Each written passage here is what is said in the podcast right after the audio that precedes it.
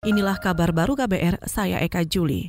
Menteri Koordinator Bidang Politik, Hukum, dan Keamanan Menko Polhukam Wiranto diserang orang tidak dikenal usai meresmikan dan kuliah bersama di Universitas Mataul Anwar di Pandeglang, Banten. Dari foto yang beredar di aplikasi perpesanan, Wiranto yang saat itu hendak pulang ke Jakarta diserang seseorang dengan menggunakan gunting dari arah samping mobil. Kapolsek Menes Daryanto yang berada di dekat Wiranto terluka di bagian punggung akibat senjata tajam pria tak dikenal itu. Saat ini polisi masih mengumpulkan informasi terkini terkait pria yang mencoba menusuk Wiranto.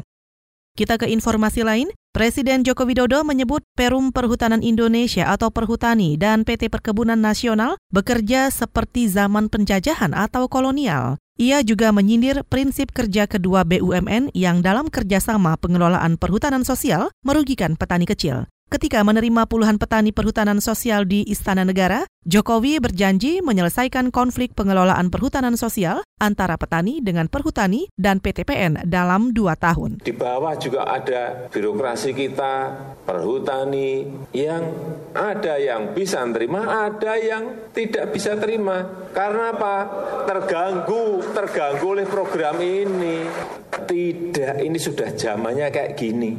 Jangan sampai lagunya masih lagu lama. Dirutnya mungkin enggak, tapi di bawahnya itu yang harus diselesaikan. Jangan sampai perhutani masa lebih kolonial dari kolonial. Lu saya merasakan kok.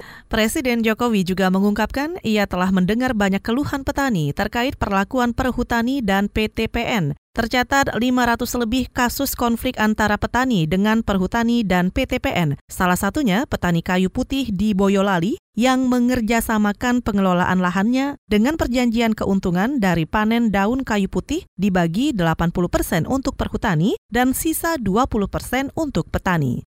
Kita ke soal korupsi. Komisi Pemberantasan Korupsi KPK menjadwalkan pemeriksaan untuk empat saksi untuk Bupati Cirebon, Sunjaya Purwadi Sastra, terkait kasus dugaan tindak pidana pencucian uang. Laporan selengkapnya disampaikan reporter KBR Mutia Kusuma dari Gedung Merah Putih, Jakarta. Saudara, Komisi Pemberantasan Korupsi menjadwalkan pemeriksaan untuk empat saksi terkait dugaan tindak pidana pencucian uang atau TPPU Bupati Cirebon, Sunjaya Purwadi Sastra. Empat orang tersebut adalah penjual tanah bernama Abdul Latif Usman dan tiga orang lainnya dari pihak swasta, yaitu Dea Danca, Agus Iksan, dan Wahyu Cahyadi. Diketahui sebelumnya, KPK menduga ada aliran uang ke PDIP terkait kasus ini. Juru bicara KPK Febri Diansyah menegaskan hal itu sesuai dengan fakta persidangan yang menyebut ada uang sejumlah 250 juta rupiah ke Kongres Sumpah Pemuda PDIP 2018. KPK juga telah memeriksa sebanyak 146 saksi yang salah satunya merupakan anggota DPR RI Niko Siahaan dan sejumlah anggota DPRD. Pati Cirebon Sunjaya diduga menerima gratifikasi yang berhubungan dengan jabatan dan yang berlawanan dengan kewajiban dan tugasnya sekitar sekitar 41 miliar rupiah. Selain itu, KPK juga menduga Sunjaya menerima hadiah atau janji terkait perizinan PLTU 2 di Kabupaten Cirebon dan perizinan properti di Cirebon dari Gedung Merah Putih KPK Mutia Kusuma untuk KBR. Kita ke informasi lain. Pertamina berjanji akan memberikan kompensasi kepada warga di Dusun Sidada di Cilacap yang terdampak kebocoran pipa BBM Cilacap Bandung 1. Juru bicara Pertamina Regional 4, Jawa Tengah, Arya Yusa Dwi Chandra mengatakan, Pertamina sedang mendata warga terdampak dan jenis dampaknya. Arya menyebut kompensasi bisa berupa materi atau pengganti materi yang ada sebelumnya. Pertamina juga akan membuat tiga sumur di lokasi berbeda di sumur warga yang terdampak paling parah. Yang pasti uh, kalau ada tanaman yang mungkin yang terkena ataupun ada bangunan yang ter apa ibaratnya kan kemarin itu mungkin terbawa angin karena untuk pembersihan itu akan kita ganti semua. Tapi uh, kemarin sih lurah dan kadusnya masih diskusi juga dengan warga.